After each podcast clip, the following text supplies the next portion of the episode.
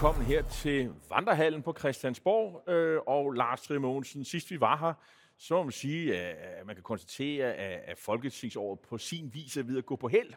Øh, vi har haft øh, afslutningsdebat, vi har haft øh, de traditionelle grundlovsmøder, øh, men der er faktisk en, der har løbet med, har stjålet hele billedet, og det er naturligvis landets statsminister, som i går var til møde hos USA's præsident Joe Biden. Et længe ventet møde, der fik fuld væg-til-væg dækning af samtlige øh, øh, danske medier, øh, og øh, alle har bemærket sig, at den der øh, afmålte eller udmålte halve time, hun var tilstået hos præsidenten, ja, det endte med at blive et møde på halvanden time, og det satte endnu mere fod i de spekulationer, som vi efterhånden snart har talt om i rigtig længe, om hvorvidt at Mette Frederiksen er i spil, rigtigt i spil, som NATO's næste generalsekretær. Og Lars, sidst vi mødtes, der afviste du alle de spekulationer sådan ret kategorisk. Og jeg var lidt mere positiv, hvis jeg selv skal bemærke det, men har også været skeptisk hele tiden. Hvor står du nu? Altså, tampen begynder at brænde. Der er ikke nogen tvivl om længere, at Mette Frederiksen rent faktisk seriøst overvejes som en af de flere kandidater, der kan blive NATO's næste generalsekretær. Jeg tror ikke endnu, at det er endelig besluttet, om Jens Stoltenberg, den tidligere norske statsminister, der nu har siddet snart i ni år, om han, hvis det hele skulle snøre til, ikke kunne blive forlænget lidt igen. Han skulle faktisk have været nationalbankdirektør i Norge, men var nødt til at droppe den øh, plads, eller øh, stilling, han havde fået, fordi han skulle forlænge sin NATO. Så det kan godt være, at det er en model, der stadigvæk cirkulerer, at han bliver forlænget. Og så kan man sige, så vil det her øh, limbo, det her dødvande, der er i dansk politik lige nu, risikere at blive forlænget. Men der er ikke nogen tvivl om, Mette Frederiksen er på listen. Hun er højt op på listen over dem, der overvejes. Men hun er altså ikke valgt endnu, og det kan vise sig faktisk at blive hendes ulempe, at hun er blevet nævnt så tidligt. Fordi det vil tidligst være på NATO-topmødet Vilnius 11. 12. juli, at der ligesom vil kunne blive meldt noget ud, at der kan blive truffet en beslutning. Så ja, hun er i spil. Hun er seriøst i spil. Men jeg synes stadigvæk, at det har en mindre sandsynlighed, at hun bliver det. Nå, okay. Altså, jeg synes, når man læser medierne, og jeg vil også sige... Ja, det er danske medier. Jo, jo, men de tager jo også øh, øh, pejling efter internationale medier. Jeg er godt klar over, der er for længst gået landskampstemning og klaphatte i det her. Det, det, så, det må vi erkende. Men jeg synes faktisk, de tager pejling af, hvad skriver de internationale medier og der er hun simpelthen stor favorit nu. Øh, det, det, det må man sige. Der, det er ikke, der er ikke andre navne, der, der nævnes på samme måde som hende. Og derfor så... Jeg har bemærket, at du har flyttet mig nu, Lars. Det har jeg. Men, men, øh, men jeg har også flyttet mig meget. Jeg, jeg, jeg vil sige, hun, hun er nok stor favorit. Og så øh, kigger folk jo efter, øh, om hun, eller der slipper noget ud om, om hun bliver Joe Bidens øh, NATO-generalsekretær-kandidat. Øh, Når det sker, så er hun rigtig, så har hun næsten det ene ben i øh, hovedkontoret i Bruxelles. Det, der kan være fordelen for Mette Frederiksen, det er, at internationalt set rangerer den her post som NATO's øh, generalsekretær ikke helt op på øverste hylde. Og derfor kan der være nogle af de mere oplagte kandidater, som for eksempel tyskeren Ursula von der Leyen, der lige nu er formand for EU-kommissionen og tidligere tysk forsvarsminister, og en, man meget, meget gerne i NATO-kredse ville have løftet op, om ikke andet for også at forpligte Tyskland på en substantiel forøgelse af forsvarsbudgetterne. Men der kan Ursula von der Leyen være i den position, at hun faktisk nu jo har en stilling, som på alle tænkelige måder rangerer højere end hvad e- NATO's generalsekretærpost vil gøre. Så på den måde altså, kan det være en fordel for Mette Frederiksen, at nogle af førstevalgene, nogle af dem, man virkelig gerne vil have, at de faktisk allerede har nogle poster i dag, der er højere, og hun derfor kommer ind, kan man sige, på, øh, som anden valg. Men øh, indtil videre alle det her spekulationer, kvalificeret spekulation, vil jeg så kalde det, øh, og, og helt klart noget, man øh, bliver nødt til at forholde sig til. Og det gør man jo også i dansk politik, Lars. Altså, øh, selvom at det glipper øh, for hende, øh, og, og de muligheder er stadigvæk store, faktisk, så kan man allerede nu se, at det her påvirker hele øh, øh, altså, ja, dansk politik på, på flere forskellige måder. Det påvirker regeringen, øh, hvor vi ser nogle udtalelser fra Lars Løkke, og, og det påvirker naturligvis også forholdene i hendes eget parti, øh, fordi der skal jo findes en efterfølger, og der er også nogle, nogle magtpositioner, der skal ligesom omrokeres på. Øh. Men lad, lad os tage Lars Lykke først. Fordi det er, når det hele ryster, når det hele står og vakler, man virkelig kan se, hvem der har en fast hånd. Og i de her døgn, der har Lars Løkke Rasmussen endnu en gang bevist, at han er den, der har bedst næse for i virkeligheden navigere i, sådan, øh, i, i, i tumultariske tider. Det Lars Løkke først gjorde, det var oppe ved et øh, NATO-udenrigsministermøde i Oslo, og da han blev spurgt, vil du sige ja til sådan en stilling? Og han så sagde, at det ville være noget, han skulle overveje meget nøje, for vi har lige haft valg, og det ville være en meget, meget stor omvendning. Så øh, i, i går på grundlovsdag blev han spurgt i en variant af samme spørgsmål, og hvor han så der sagde, at man skulle gøre sig klart, at den regering, der er blevet dannet, den handler ikke kun om noget, som han jo gik til valg på, der var handlet meget om, det var noget, men det var også var nogen, der var blevet enige om noget. Og de her nogen, ja, det er i høj grad Mette Frederiksen, og hvor Lars Lykke helt klart sagde, at den her regering hvilede i virkeligheden både på hans eget projekt om midterregering, men også på Mette Frederiksens evne til at flytte Socialdemokratiet ind.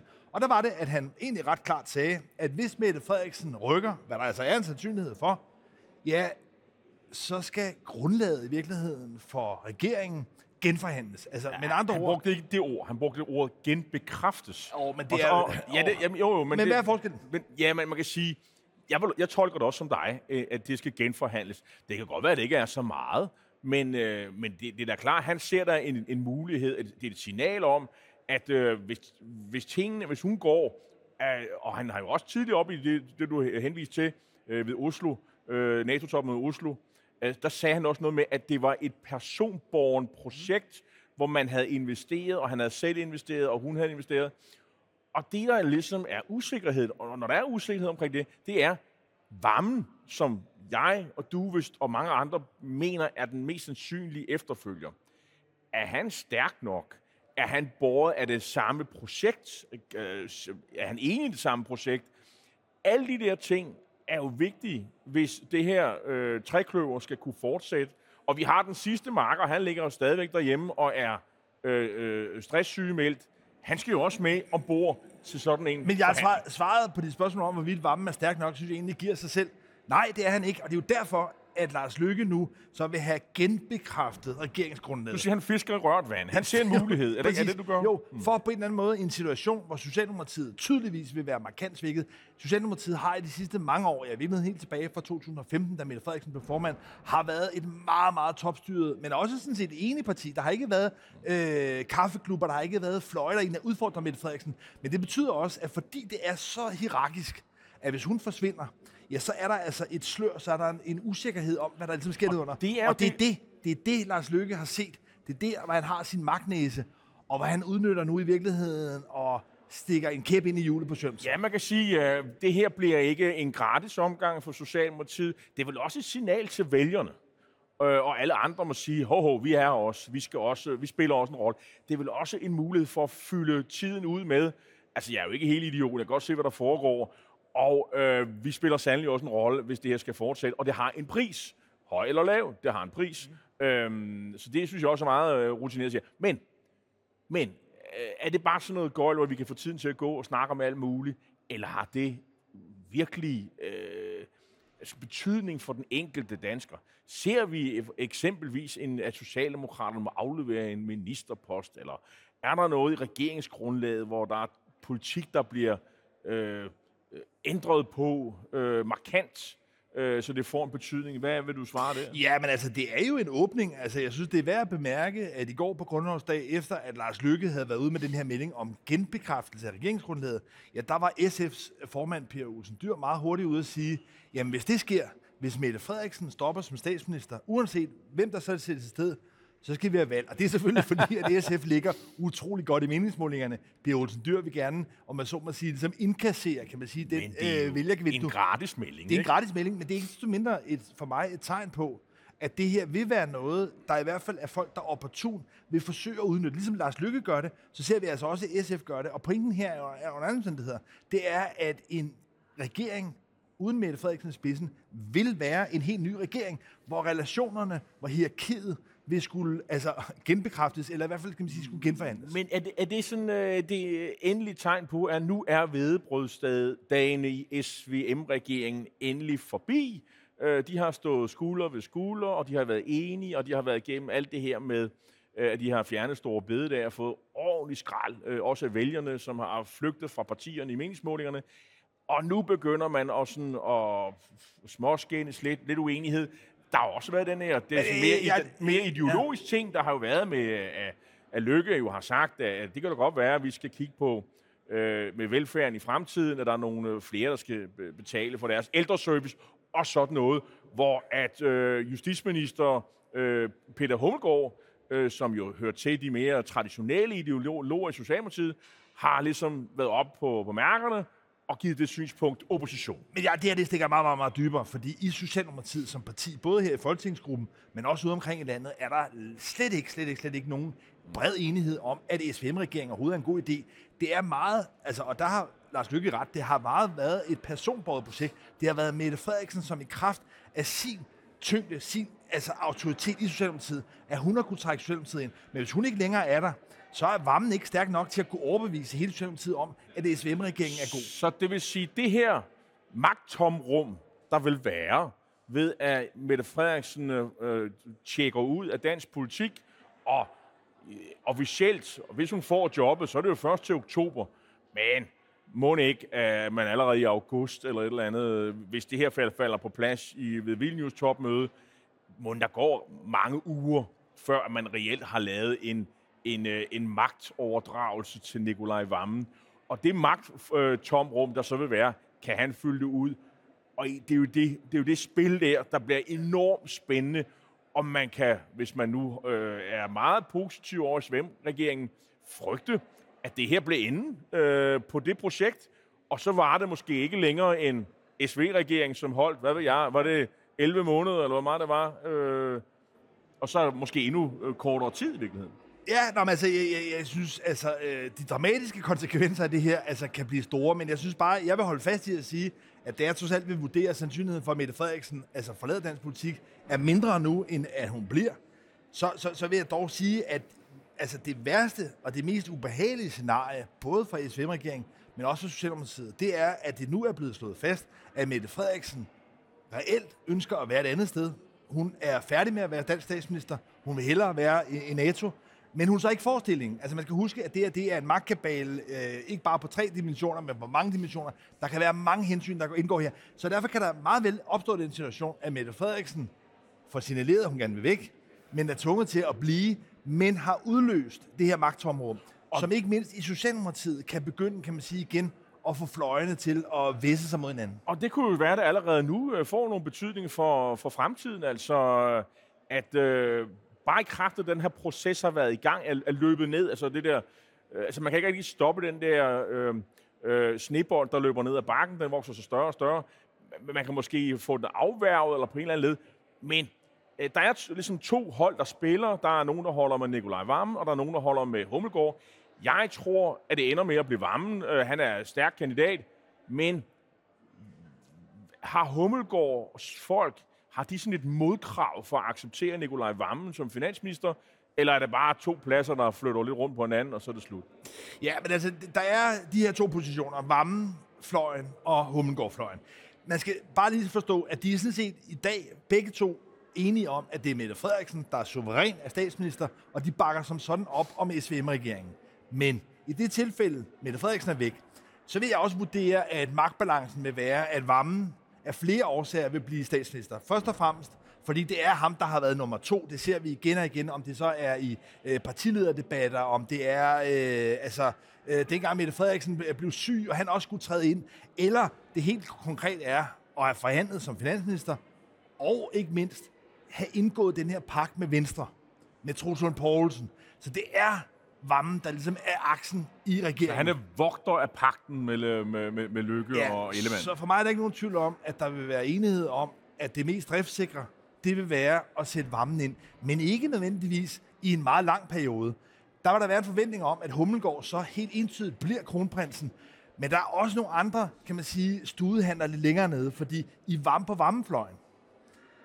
Og det, det er delvis, kan man sige, grupperet i nogle kaffeklubber. Øh, Vammen, øh, altså de har forskellige kaffeklubber, men, men det er mere broget spillet.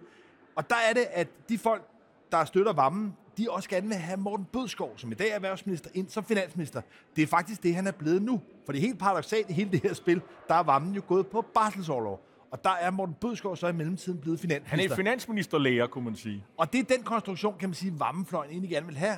Vammen som statsminister, Bødskov som finansminister. Men der er det så, at Hummengård fløjen siger, ah, nej, nej, nej, nej. Det kan godt være, at Hummengård ikke kan blive formand og statsminister, men så skal vi have nogle modkrav, og det vil konkret være, at man så vil sige, så skal Hummengård være finansminister. Så det, hvis vi ser øh, den, der får finansministerposten, det vil i virkeligheden øh, afgøre, øh, hvem der egentlig står stærkest det i det spil. langsigtet affølge. Og øh, så kan det godt være, at, at taberen i den magtkamp får øh, en indrømmelse et andet sted, men det, det er det, der er, er spillet. Det bliver enormt spændende at følge, og, og man kan jo sige, øh, vi ved jo ikke, hvordan det kommer til at spænde, spænde af, men, men sådan er der så meget. Men jamen, jeg, jeg vil bare lige, bare lige sidste krøl på det.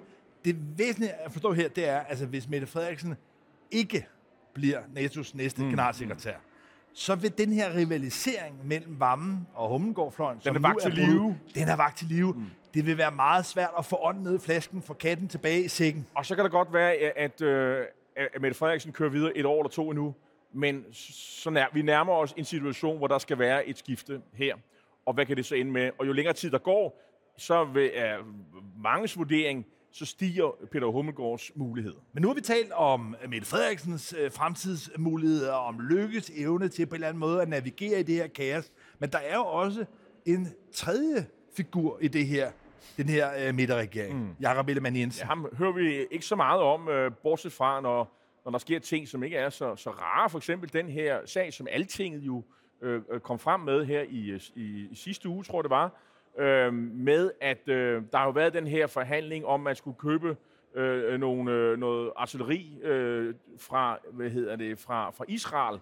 Og, øh, og det var sådan et, et tilbud, hvor de her forsvarsordfører fik meget, meget kort tid til at sige ja, nærmest ja eller nej øh, meget hurtigt, fordi der skulle bestilles, man skulle have indhentet nogle udbud, fik, man, fik, fik det at vide, og så var der kun det her israelske udbud, hvor man kunne skynde sig lidt for at få de her kanoner meget hurtigt, og man så skulle der sige ja her og nu, og, og man havde ligesom sagt, at, øh, at, at, at det var blandt andet franskmændene, at de ikke havde, øh, de havde ikke medvirket til det her udbud, som husker jeg det i hvert fald. Nej, nej, nej, det der er det der. Jakob Ellemann siger i virkeligheden to ting. Ja. Både til forsvarsudvalget, men også til finansudvalget. Det ene det er, at der er en tidsfrist, meget kort tidsfrist, mm. for overhovedet at kunne købe det her israelske grej. Og det andet er, at man rent faktisk har spurgt andre udbydere, blandt andet franskmændene. Og der er det nu, det, det viser sig sort på hvidt. Et, at den her tidsfrist, ja, den strækker sig altså helt ind i, i juni. Og for det andet, så har man rent faktisk ikke spurgt andre udbydere, for eksempel franskmændene.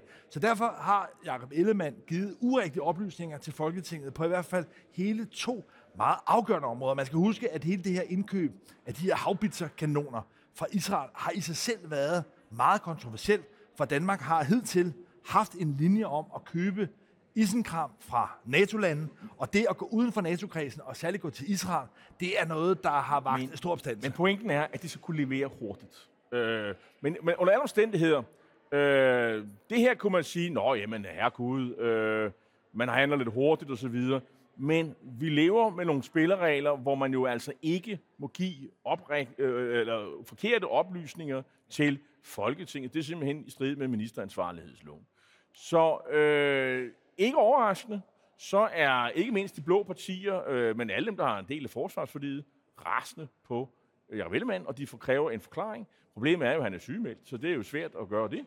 Øh, og så må stedfortræderen jo øh, komme, øh, og det er jo Troels Lund Poulsen, og det er jo ikke ham, der har været med i den proces. Men... Så indtil videre, så er det skudt til hjørne, fordi der nu kommer der en redegørelse. Og den kan have to, der kan, der kan være der sket to ting. Den ene, det er, at øh, redegørelsen bekræfter det, som kritikerne og altinget har fundet ud af, og det betyder jo så, at Jacob Ellemann jo så står til minimum en næse, øh, og måske mere. Øh, og det andet, der kan ske, det er, at der er en rigtig god forklaring. Øh, at Ellemann jo sådan set har været holdt hen i uvidenhed. Han vidste ikke, at han gav øh, forkerte oplysninger, men selv det gør jo, at man ikke slipper i krogen. Så det får man også et rap over fingrene over, men måske ikke helt på samme måde. Så det, det ser svært ud. Øh, man kan sige, Ellemann har jo nok det held, at der er jo altså øh, 89 mandater bag hans øh, ministersamrat. Socialdemokraterne har allerede ude at sige, at der er ikke noget at komme efter, at det, alt er godt. Øhm, men den her sag kan jo rulle, og den kan rulle længe, og den er jo med til at, og, og, og, og hvad skal man sige, øh, nogen forventer jo, at den dukker op igen, når han kommer tilbage øh, fra øh, sin øh, stressoverlovsperiode. Ah, det er altså en fuldstændig håbløs situation for Venstre, at i en situation, hvor Lykke nu er ude og kræve regeringsgrundlaget genbekræftet, Mette Frederiksen måske er på vej ud, varmen ind, at Jacob Ellemann stadigvæk ikke er tilbage i aktiv dansk politik, og så ovenikøbet en situation, hvor spørgsmålet er, hvorvidt han har vildledt Folketinget forsætteligt eller uforsætteligt. Men det er altså en sag med de ting, der er kommet frem, og jeg medgiver, at selvfølgelig kan der komme hemmelige oplysninger, vi ikke kender til, som vender det hele rundt på hovedet. Men på baggrund af det, vi ved i dag, så er det altså en så alvorlig sag, at minister før det både har fået næser, men der er også minister, der har været nødt til men, at træde tilbage. Men, men Lars, og Jacob Ellemann sidder i den situation, det er jo oh, katastrofalt. Jo, katastrofalt. Men så har han jo det held, at der er tre partiers mandater, der står bag ham, og jeg er enig i, at vi er nok øh, i, i hvert fald næsefeltet, og måske øh, øh noget, noget værre. Men, men, men øh, der kommer ikke kommissioner og alt det her. Han nej og han skal ikke gå af, og altså, det kan man glemme alt om, øh, så, så, vidt jeg kan vurdere. Men selvfølgelig, øh, dansk politik er jo så spændende at følge med i, så der kan jo ske alt muligt. Men det er jo klart, man kan jo ikke sådan rende rundt og sige, øh, øh om hvem har givet, afbud, øh, har givet udbud, øh, og hvem har ikke det kan man jo ikke lyve om, vel, til, til, til forsvarsordfører. Vi står jo overfor at brænde milliarder af, og så, så skal de her ting der bare være på plads, og, og man skal kunne svare på det øh, fuldstændig ærligt. Og så vil jeg også bare sige, det her sætter også en tyk streg under den permanente kritik, der er over, hvordan tingene kører i dansk politik. Det her med, at det er enormt stressende, og man har måske øh, ganske få øh, halve og hele timer til at træffe afgørelser om investeringer på det her niveau. Øh, og jeg kan godt forstå de politikere, som, som siger, at vi kan finde os i at arbejde på den her måde. Det er muligt, at vi skal have kanoner og artilleri og sådan noget hurtigt her nu, men vi må altså have lidt mere tid til at gå de her ting igennem. Men, men øh, den eneste, der virkelig sidder og glæder sig nu, det er igen Lars Lykke som en kat om en skål fløde. Altså alt falder ud på en eller anden måde i tror de du her... Virkelig, han har, tror du han, virkelig, han har det sådan? Jeg tror, at han søger stadig en genoprejsning. Øh, og jeg tror absolut men, men, ikke... Hvad får han ud af, at, at, at, at Venstre står i at, at, at Venstres formand får øh, svækkes yderligere på grund af den her sag? Og at Mette Frederiksen er væk? Åh, jeg. Jeg, jeg, prøv at høre. Hvis, jeg, men, jeg mener simpelthen, du, du fejllæser her, fordi Ellemann og Mette Frederiksen, det er de to ting, der gør, at han har magt som udenrigsminister. Hvis der kommer nogle andre personer i spidsen for det, så er jeg ikke sikker på, at de på samme måde er drevet af den samme øh, nidkærhed og kærlighed til projektet, og det svækker ham politisk. Så derfor så jeg, jeg, jeg, jeg ser det ikke på samme måde, det, det må jeg sige. Men så længe midterregeringen, så længe SVM-regeringen overlever, og det kan være, at den ikke gør det længe, så længe den gør det, så er der for mig ikke til kun tvivl om, at en situation, hvor hverken Mette Frederiksen er der, eller Jacob Ellemann, der vil Lars Lykke være altså kejseren af Kina. En sidste tid, og det er noget, jeg, øh, ting, jeg har glædet mig til at spørge dig om, Lars. Det er fordi her i dag, der er der kommet frem, at over i Københavns øh, borgermission, øh, hvor man jo har, det er jo den gamle socialdemokratiske højborg med overborgmester Sofie Hestrup Andersen. Hun har været sat udenfor af, af det gode skældskab, skulle lige sige, stort set alle andre partier. Øh, og det er selv enhedslisten, der fik fremragende valg sidste gang, der ligesom har slået takten og gået sammen med de borgerlige, og de har fået skattelettelser, de borgerlige, alle er glade. Og nu ligesom de har slået kontra, fordi nu har de lavet en aftale, altså Socialdemokratiet og jo også SF, sammen med de andre partier. Og, øh, og nu har de lavet en aftale om skattelettelser og om og mange andre ting, og har sat enhedslisten over i skammekrogen uden indflydelse de næste to år. Og det er jo så, hvad der foregår lokalt i København, hovedstaden kan man sige. Umiddelbart har der jo været en diskussion om, hvorvidt øh, de skulle skifte Sofie Hestorp øh, Andersen ud med en ny kandidat, en minister herindefra. Øh, øh sundhedsminister Magnus Heunicke er blevet nævnt, øh, tidligere statsminister er blevet nævnt, øh, øh, Helle Thorne Schmidt. Og nu har ligesom slået kontra og, og ligesom vist et eller andet politisk håndværk, der virkelig siger spar to. Hvordan tror du, det blev opfattet af enhedslisten herinde, at der, hvor de ligesom er stærke, der har Socialdemokratiet lavet sådan en, øh, en aftale med de blå? Jamen, jeg tror, det bliver læst, at man i Socialdemokratiet rent faktisk frygter, at København kunne ende med at få en enhedslisten øh, borgmester. Og det tror jeg i højeste grad også er noget, man frygter blandt de borgerlige du partier. Overborgmester, fordi der er jo mange borgmestre derovre, ja, så det var overborgmesterposten, ja. som er det, man i andre kommuner ville kalde borgmesterposten. de andre er jo i virkeligheden, kan man sige, en form for udvalgsformænd. Men, men lad det nu ligge. Jeg tror, at der også i borgerlige kredse er en frygt for, et, at enhedslisten skulle kunne tage landets største by, eller to, at Socialdemokratiet næsten i en form for faldskærmsmanøvre skulle kaste en anden profileret socialdemokrat ind. Fordi sandheden er jo, at de borgerlige står helt uhyre svagt i København. Og hvad der er noget, de ikke ønsker til næste kommunalvalg, det er at skulle op og kæmpe mod for eksempel en Helle Thorning, eller andre, kan man sige, populære kandidater. Så det her er jo også et spørgsmål om, at de andre forsøger at positionere sig. Så heller hjælpe en svækket kandidat. Ja, det bliver i hvert fald spændende at, at følge. Øh, tak fordi I så med øh, her øh, fra Vandrehallen, hvor Lars Mogensen og jeg selv, Jarl Korto, har underholdt 25 minutter. Vi er tilbage igen på næste tirsdag.